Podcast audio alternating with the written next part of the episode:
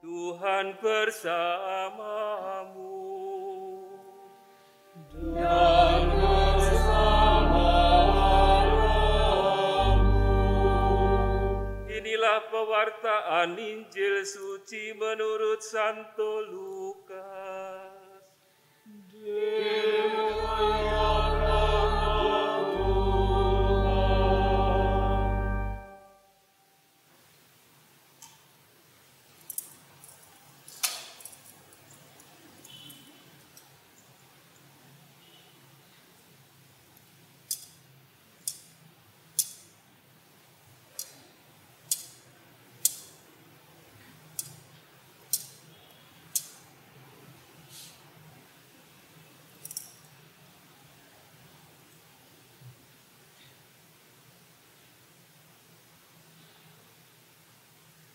Setelah mendengar berita kelahiran penyelamat dunia, para gembala cepat-cepat berangkat ke Bethlehem. Mereka menjumpai Maria dan Yusuf serta bayi yang sedang terbaring di dalam palungan. Ketika melihat bayi itu, para gembala memberitahukan apa yang telah dikatakan kepada mereka tentang anak itu.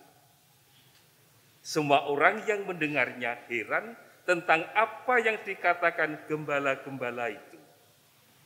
Tetapi Maria menyimpan semua itu, hal ini di dalam hati dan merenungkannya.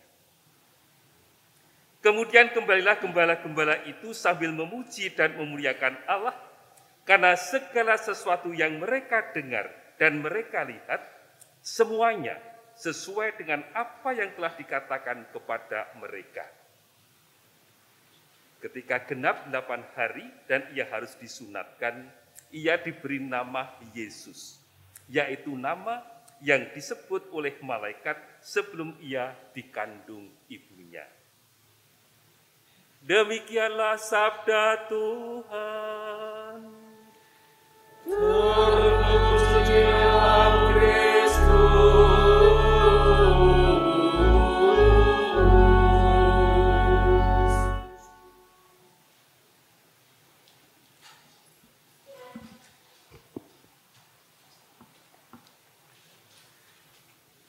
Bapak Ibu, para romo, bruder, suster, rekan-rekan muda, dan adik-adik yang terkasih dalam Tuhan. Tetapi Maria menyimpan semua hal itu di dalam hati dan merenungkannya.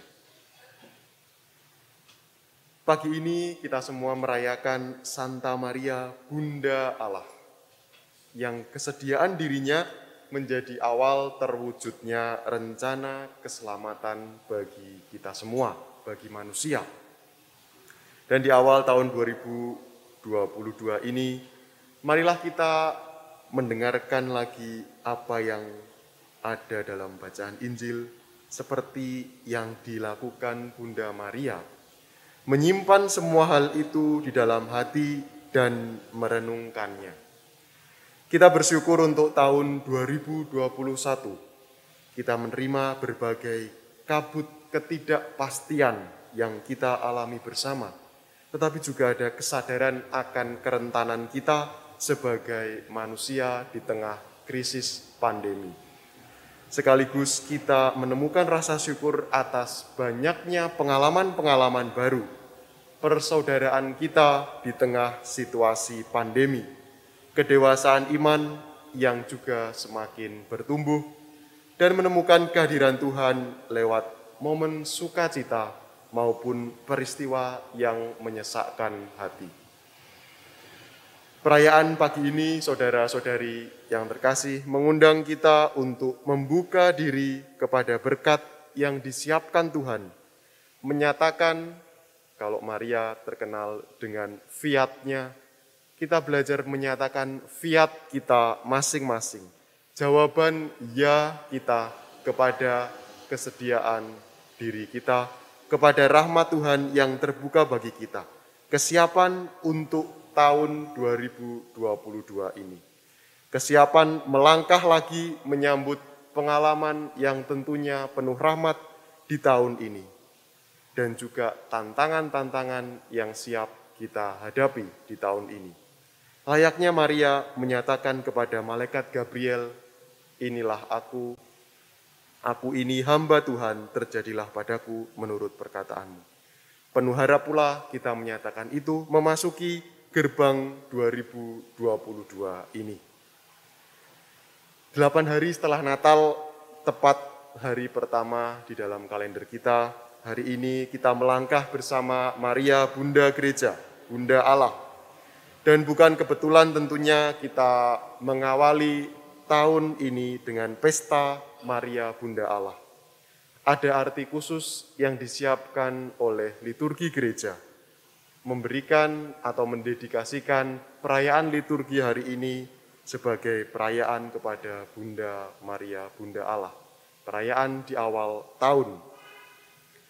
Sebab Bunda Maria ini adalah pribadi yang tidak pernah mengecewakan Tuhan ataupun manusia. Dia siap sedia kepada kabar gembira, tetapi juga berani melangkah menemani Yesus Kristus dari awal sampai akhir hidupnya.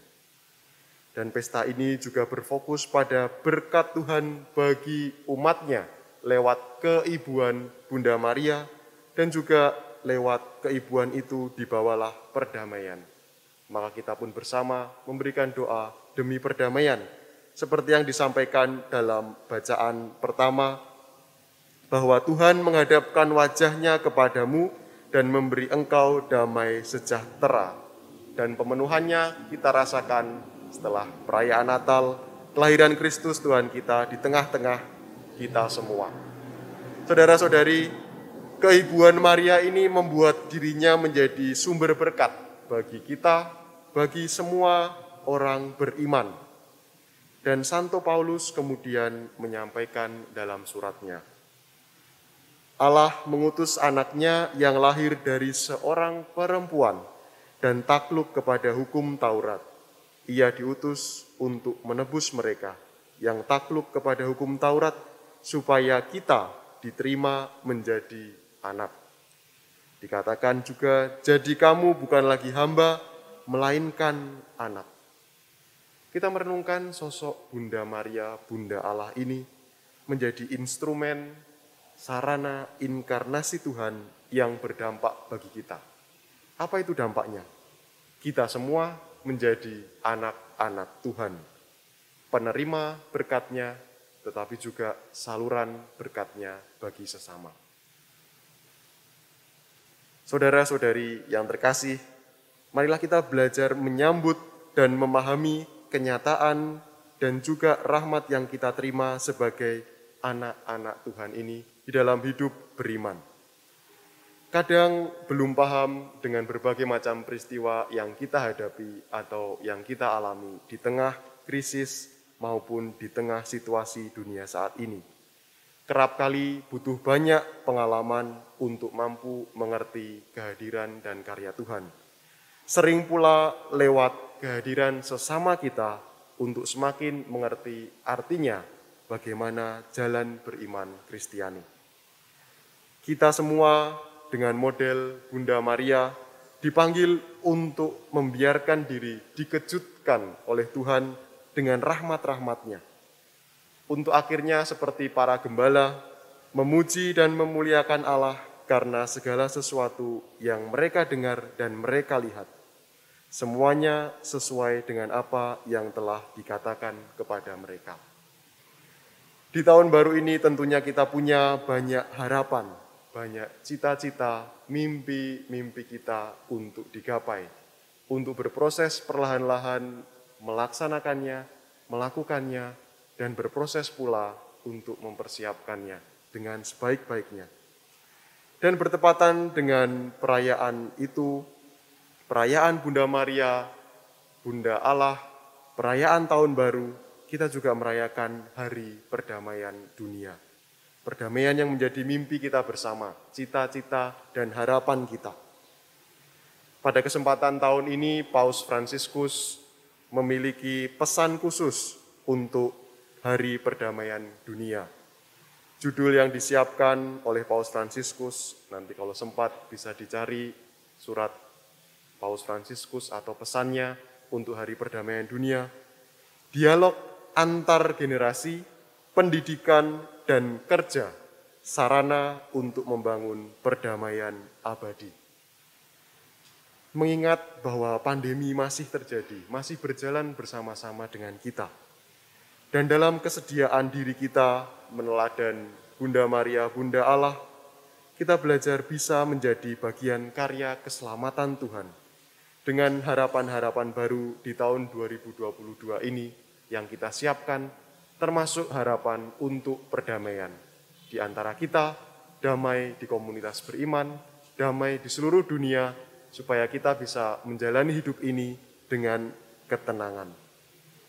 Lantas, bagaimana kita dapat membangun perdamaian yang berkelanjutan ini, yang langgeng, seperti kehadiran Bunda Maria yang membawa pesan damai dengan kehadiran Kristus. Kalau tahun lalu Paus Fransiskus memanggil kita untuk menghidupi budaya kepedulian pada pesannya di Hari Perdamaian Sedunia, di arus ketidakacuhan yang semakin banyak dan juga krisis pandemi. Di tahun ini mengikuti tiga pilar pesan Paus tentang dialog antar generasi, pendidikan, dan kerja, marilah kita bersama-sama bertanya sembari merenungkan pribadi Bunda Maria. Terkait dengan pendidikan dan juga dialog antar generasi dan kerja ini, apakah antara generasi kita terbangun dialog dan solidaritas tua muda, muda anak-anak, bagaimana membangun dialog dan solidaritas saat ini. Bagaimana pula pendidikan di konteks kita belajar dan juga mengajar menjadi proses untuk ambil bagian membangun perdamaian itu. Lantas, apakah pekerjaan kita dan proses mendapatkan pekerjaan di dunia dewasa ini menanggapi panggilan akan keadilan dan kebebasan manusia demi perdamaian?